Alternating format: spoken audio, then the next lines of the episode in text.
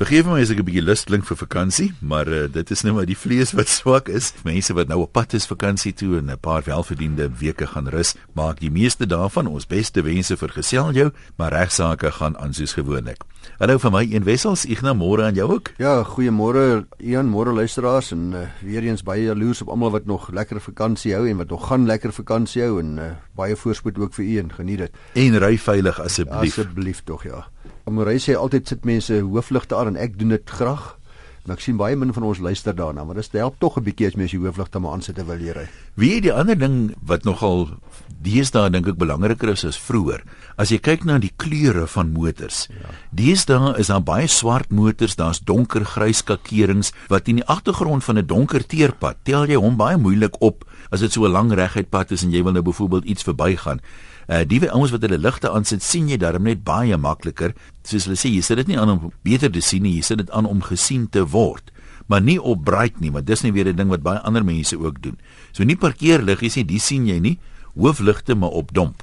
Ek gaan vandag 'n bietjie gesels oor iets wat nie regtig in die vakansie gees is nie, want dit gaan oor Ook maar moetswillig, né? Ja, alhoewel dit natuurlik so is dat hoe meer mense drink, hoe meer gesinsgeweld is daar. En hoe meer dronkenskap daar is uh, by funksies oor die feesseisoen, hoe meer gesinsgeweld is daar. En elke prokureur sal vir jou sê uh, dat uh, oor hierdie tydperk van nou af vorentoe is die aantal gevalle van gesinsgeweld uh, en dronkbestuur en alles wat daarmee saamgaan neem dramaties toe. Ek gaan kyk maar by enige landdroshof maandagooggend is die aanranding dossiere wat nuut inkom baie meer as enige ander dag. Ja. Vrydag en Saterdag aand waar mense tradisioneel meer drink, is daar ook baie meer aanrandings en weet skermutselings en bekleierery en alles. Ja, as baie waar.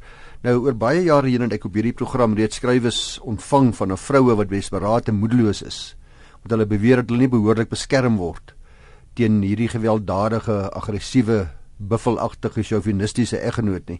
Dat hulle vrees ook vir hulle kinders se lewens. Nou telkens verwys ek hierdie briefskrywers maar na die wet op gesinsgeweld wat ek glo uitstekende beskerming bied en wat uh, in daardie wet is daar oorgenoeg beskerming as dit net behoorlik toegepas word. Die wet maak dit baie duidelik dat daar prioriteit aandag gegee moet word deur ons Suid-Afrikaanse polisie wanneer daar klagtes by hulle in gevolg hierdie wet gelê word. Oor die jare heen blyk dit egter dat daar gereeld gevalle is waar 'n uh, gebrek aan miskien manlike chauvinisme wat hier 'n rol speel of gebrek aan aan laks 'n black laksheid of sinisme of net doeteenvoudig uh, dalk maar nie omgee nie beteken dat vrouens steeds onbeskermd voel en dat die emosionele en veral fisieke geweld toeneem sonder dat daar daadwerklike stappe geneem word gevolg hierdie wet wat wel geneem behoort te word en moet word soos wat die wet dit voorskryf. Ek het nou weer 'n skryf ontvang van 'n dame in Hubertina, toevallig baie naby in die plek waar ek vakansie hou. Sy vra nie om anoniem te bly nie, maar ek gaan tog maar haar naam nie gebruik nie, want ek weet wat die gevolge gaan wees. Uh as 'n man moet hoor dat sy in ons skrywe gerig het. Hartseer. Uh, sy gaan verbaal en fisies weer erg verniel word. Nou sy is duidelik in 'n situasie waar sy 'n paar maal per week ernstig aangerand word en waar sy beweer dat sy onlangs gevlug het na Hubertina toe, maar dat sy weet 'n man is dalk net weer op haar spoor en sodra hy haar vind, dan sal die gesinsgeweld weer in al mag volg. Sy vrees ook vir die lewe van haar twee kinders sê sy, wie albei nog tans by haar man is. So sê dit lyk my sy sê dit nou nie, maar sy het duidelik sonder die kinders gevlug, hulle gelos by die man.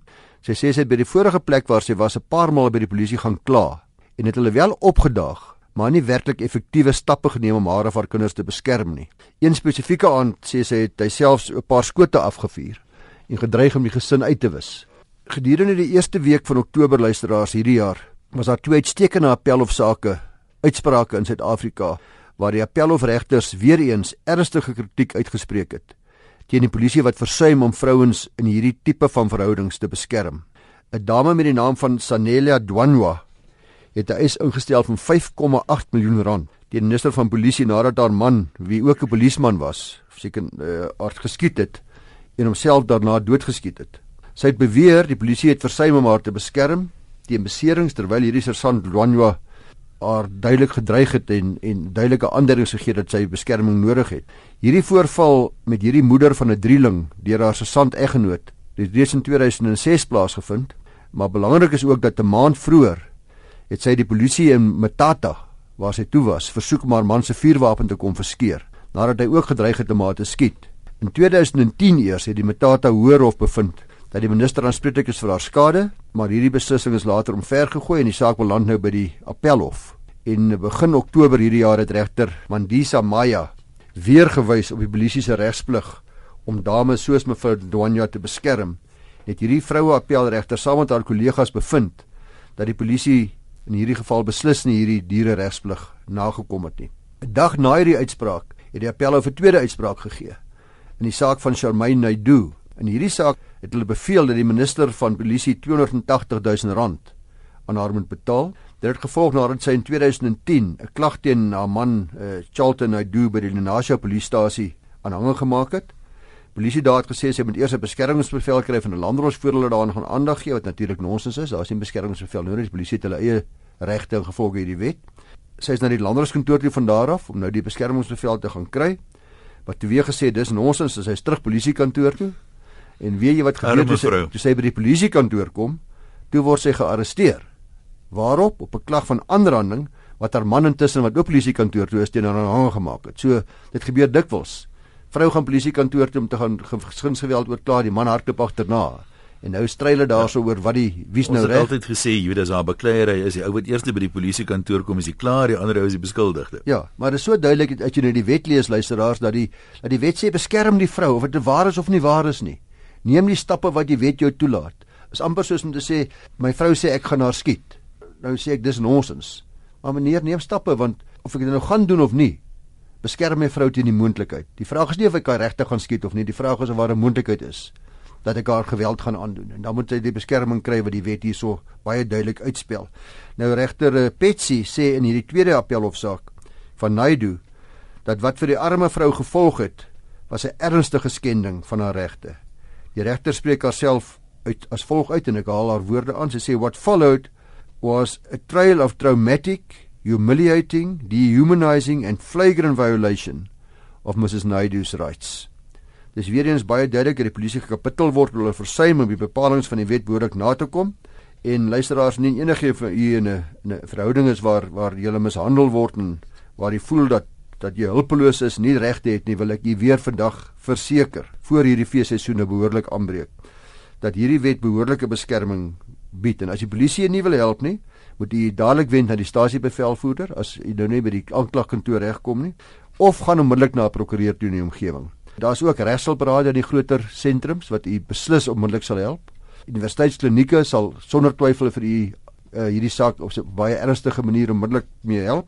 En daar's baie ander soortgelyke instellings wat u van hulp sal wees indien u dalk kwalifiseer vir gratis hulp. Maar uh slegte daarin twee dae na mekaar die appelhof verplig was om vir die polisie vinger te wys en sê asseblief doen wat hierdie wet sê julle moet doen. Dit is inderdaad hartseer. Het ons iets minder depressief vir die vir die onderwerp van vandag?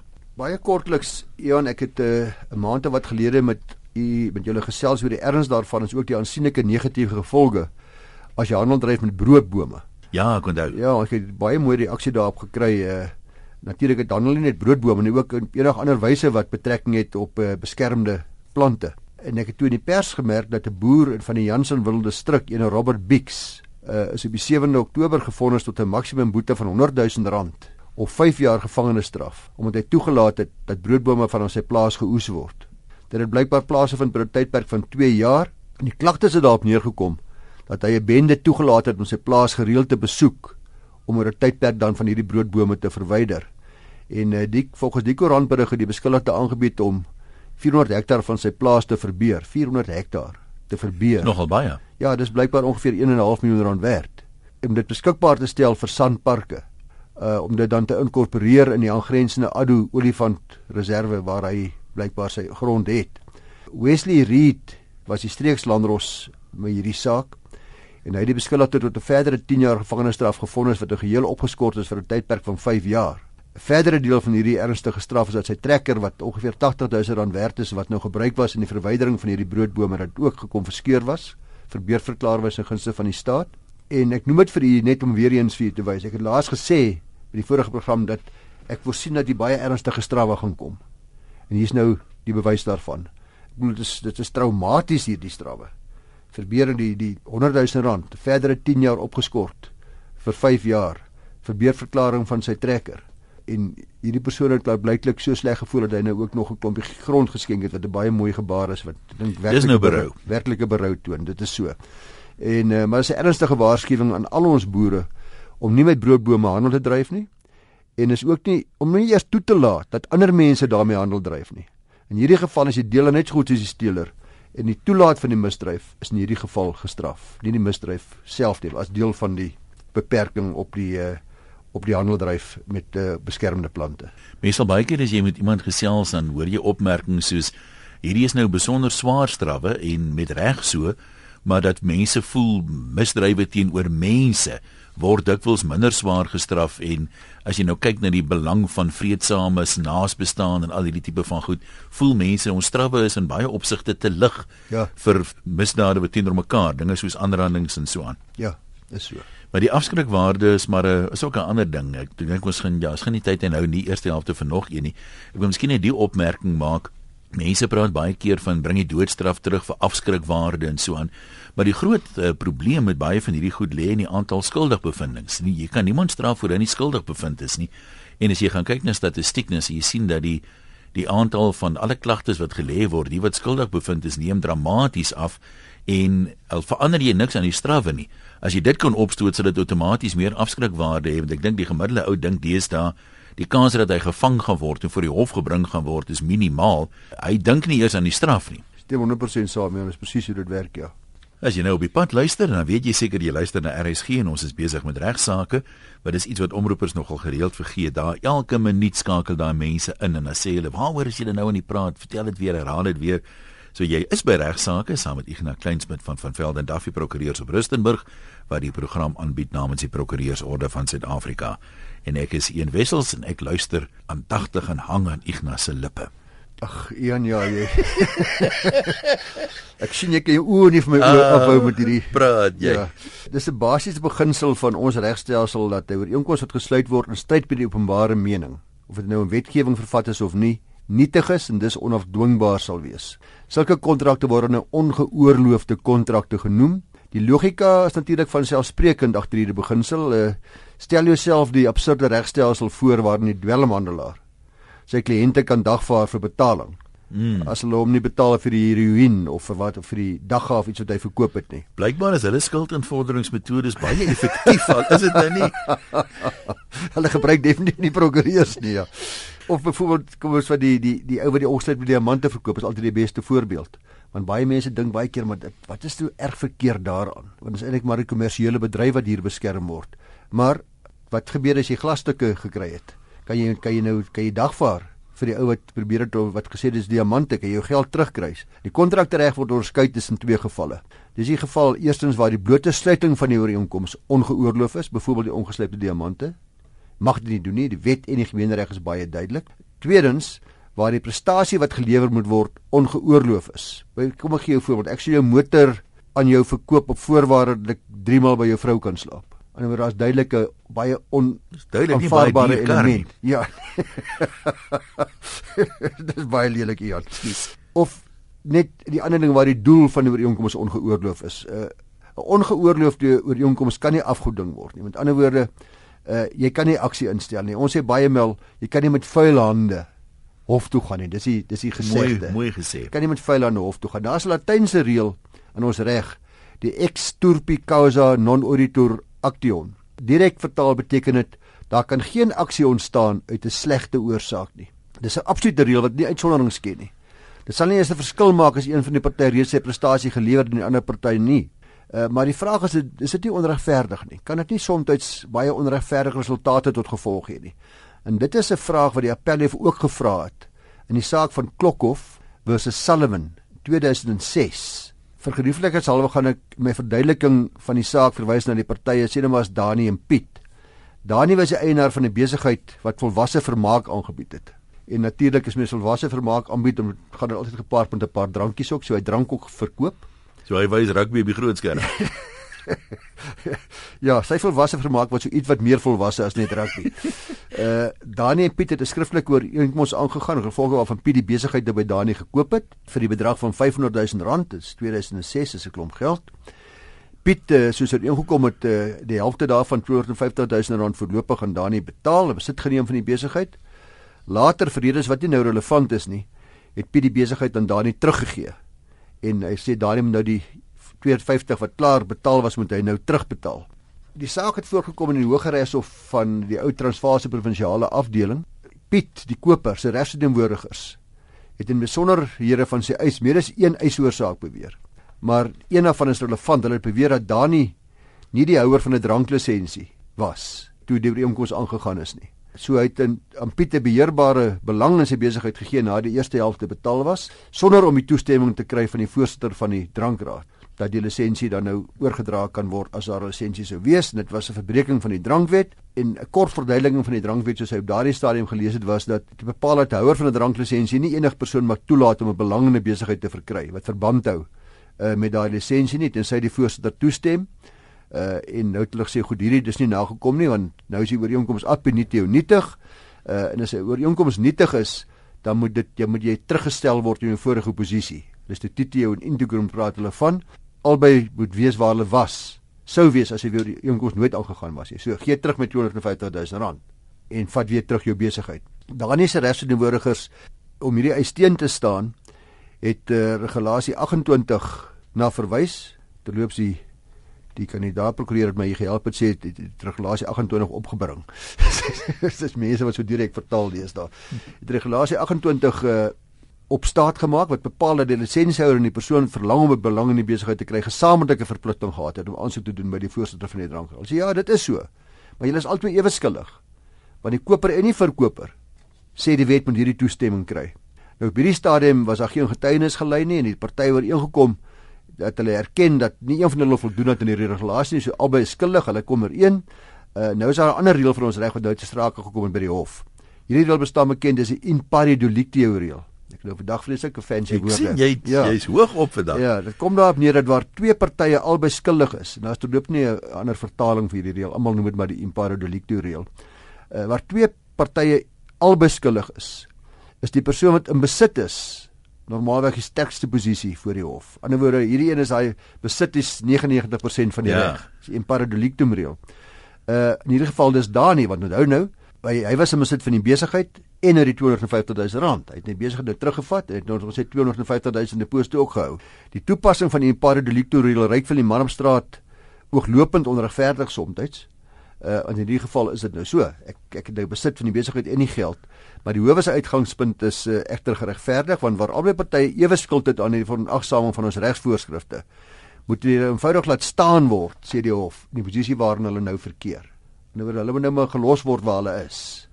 Hmm. As hulle albei ewe skuldig is. Die hof voel sterk daaroor dat wetgewing openbaar bly en goeie sedes nie verontagsaam moet word nie. Daar was in 1939 was daar 'n effense verandering hierop wat ek nou nou net vinnig na sal verwys, maar in Dani en Piet se saak was die volgende vrye vrae dus voor die hof op artikel of artikel 38 een van toepassing was die ooreenkomste tussen hulle met ander moes hulle eers toestemming kry van die drankraad. As daar nie voldoen is nie, is dit dan nietig en indien dit nietig is, kan daar dan dele uitgesonder word, afgesonder word wat steeds afgedwing kan word of so 'n kontrak deels afgedwing kan word uh, vir heeltemal nietig is uh, en het Piet die eiser dan 'n saak vir die terugbetaling van die 250 000 rand. Die hof het die vra eerstens die eerste twee en laaste vraag in positief geantwoord, maar punt 3 negatief. Dis die een indien die ooreenkoms aan nietig is, is die hele ooreenkoms nietig of kan dit dele afgesonder word. Die regter sê in sy uitspraak dat die paradolikte reël nie in hierdie saak van toepassing was nie omdat artikel 38 slegs 'n las op die houer van 'n lisensie geplaas het om seker te maak dat die toestemming verkry moet word. Uh dus al moet albei aansoek doen saam, is dit die plig op die verkoper om aansoek te doen eintlik. Al moet die koper net behulpsaam wees. So as hulle sê Dani het alleen die skuld gehad en slegs Dani se hande was hier vuil gewees. Dani appeleer nou na 'n volbank toe weer eens. Volbank stem saam dat dit 'n algemene saak tussen hulle was dat die wetlike vereistes nie verkry is nie. Enigste vraag wat die volbak moes beantwoord is of uh, die terugbetaling van die 250 000 rand en uh, die volbank verwerp nou die argument dat slegs Dani verantwoordelik was om aansoek te doen. Hulle sê dit was 'n gesamentlike verpligting en weer eens val die saak terug in die besitter van al die geld en die besigheid behou dit. Nou luisteraars het vanaf tot in 1939 het die howe die paradolikto reël onverbiddelik toegepas en geen uitsonderings gemaak nie. Maar in 1939 het die hof van die bekende saak van Jusby versus Chasm 'n nuwe beginsel geformuleer wat vir ons almal van belang is vandag. Die hof het gesê dat alhoewel die howe plig het om ongeoorloofde ooreenkomste te ontmoedig en af te skrik in belang van openbare beleid, uh, sal dit wees dat die strenge toepassing van hierdie reël soms tot onbillike resultate lei, soos in hierdie geval wat ons nou net bespreek het.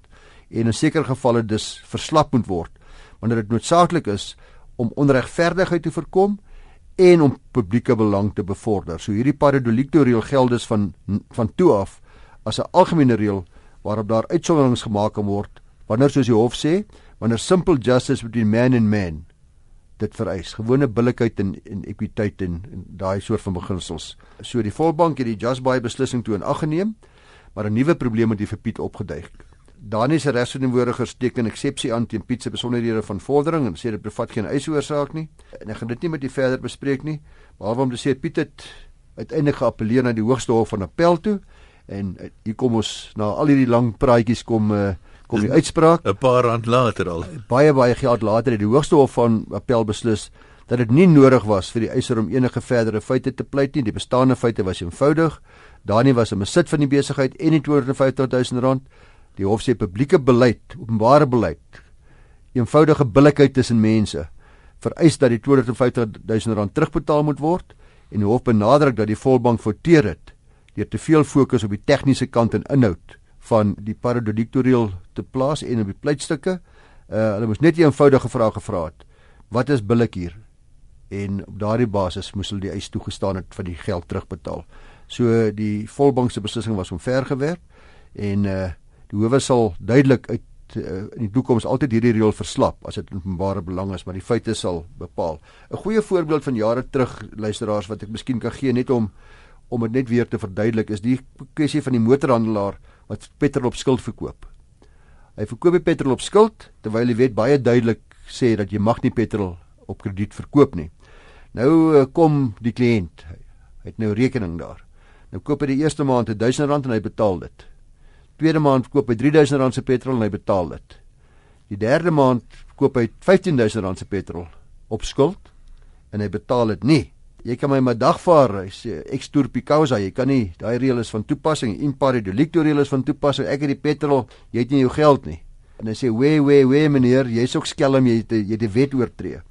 Nou uh die hof sê ook in hierdie geval openbare belang en regverdigheid is belangriker en hulle sê die laagbaarheid van albei se optrede moet jy in aanmerking neem. Eerstens die laagbaarheid van die motorhandelaar wat die wet oortree deur krediet te gee.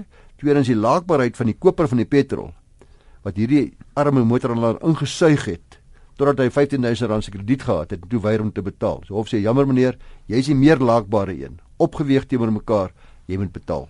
Ek wonder altyd met hierdie goed, as jy nou kyk in die 250 000 rand en hoeveel litigasie daar was, dit moet sekerlik die koste daarvan meer wees as 250 000 rand. So ek weet nie, met baie keer sê mense maar jy weet hier's nou 'n beginsel wat vir 'n bedryf ter sprake is. Dis hoekom hulle die ding nou tot die hoogste moontlike hof vat om regsekerheid daaroor te kry. Maar ek wonder altyd, dis my myne skiedige aard, die storie agter die storie hier Wat is dit met hierdie manne gewees het hulle so ver aangaan? Of is dit maar 'n geval van jy sal nie hiermee wegkom nie is dit maar bitterheid of wat? Wil jy ingeligte raaiskoot maak? Nee ek eh, my raaiskoot is dieselfde as joune. Ek dink daar's dikwels as jy in die prokureurspraktyk is dan sal mense vir jou vra hoe op jy's aarde kan jou kliënt so ver gaan met hierdie saak? En dan sal eh, dan ken jy die agtergrond en jy weet van die bitterheid en jy weet van die persoonlike geskille wat skeef geloop het Ek het een baie goeie voorbeeld Ian, uh, ek het 'n kliënt gehad wat nou al intussen oorlede is wat 'n hotel naby Rustenburg besit het en een goeie dag het 'n advokaat en sy vriend daar opgedaag om golf te speel. Dit was 'n golfnaweek wat vooraf gereël was, geadverteer was vir die hele naweek en die golfnaweek was 'n pakket ook gewees. Daar moes betaal word vir hierdie naweek en die aand toe die Vrydag aand toe hulle by die hotel kom het dit erg gereën. Nie betaal nie, sê hulle môreoggend sal hulle die rekening betaal en die volgende oggend saterdagoggend toe dit nog steeds reën het die advokaat en sy vriend. Toe besluit hulle gaan net vir die een nag betaal. Die ontvangsdame het my kliënt gaan roep waar hy ook in die hotel gebly het. Vir hom gesê hoorie nee die eienaar hier's mense wat sê hulle gaan nie vir die pakket betaal nie. Hy raad vir sy man die hotel is chockblok vol bespreek jy weet ek kan hom nie weer vir hier en jy moet betaal om 'n lang storie kort te maak. Die ou het vir hom gesê ek is 'n advokaat. Dit is waar hy 'n groot fout gemaak het. Hy het gesê ek is 'n advokaat en ek sê vir jou gaan net vir die een dag betaal, maar my kliënt het toe gesê wel, loop ek gee jou dagvaar en ek het hom gedagvaar. Ek het hom gedagvaar in die Landdroshof en die Landdroshof het ons die saak gewen. Hulle het dadelik geappeleer want die is mos nou advokaat. Hulle het geappeleer teen die saak en uh ons het die appel verloor. 'n Hele klomp tegniese afverweere. Ja. My kliënt het gesê ons moet appel of toe gaan in Bloemfontein. Ek het gesê maar asseblief. Kyk hoeveel geld het ons nou al spandeer by nou wil hy appel of toe gaan. My kliënt het gesê oor sy dooie liggaam. So dat ek moet bymaak. Daai persoon gaan dit nie doen nie. Ons het geappeleer appel of toe die advokaat wat ek goed geken het en die prokureur my albei as hy hoorie sou jong. Kan ons nie maar die saak skik nie. Ek sê ja, ek kan skik, maar dan moet jy los alles koste tot op datum betaal. En ek net nou vir julle sê moenie na die tyd my kom as ons hierdie appel of saak wen. Moenie vir my kom sê. O, ek nou ons is kollegas. Nou moet ons maar oor die kostes praat nie. In elk geval ons het die appel of saak gewen en daai 250 rand het waarskynlik vir die advokaat en die prokureur net 100 keer meer gekos. Omdat hulle hardegojabel was, omdat hulle arrogant was, omdat hulle nie gedink het dat hierdie kliënt vir my so beginsel was dat hulle gevat tot by die hoogste hof van appel nie. 'n Mooi lesie gewees. Mm. Ja, tyd vlieg as 'n mens lekker gesels. Dis alwaar vir ons gaan kan sê in vandag se regsaake. Ignas is altyd baie dankie.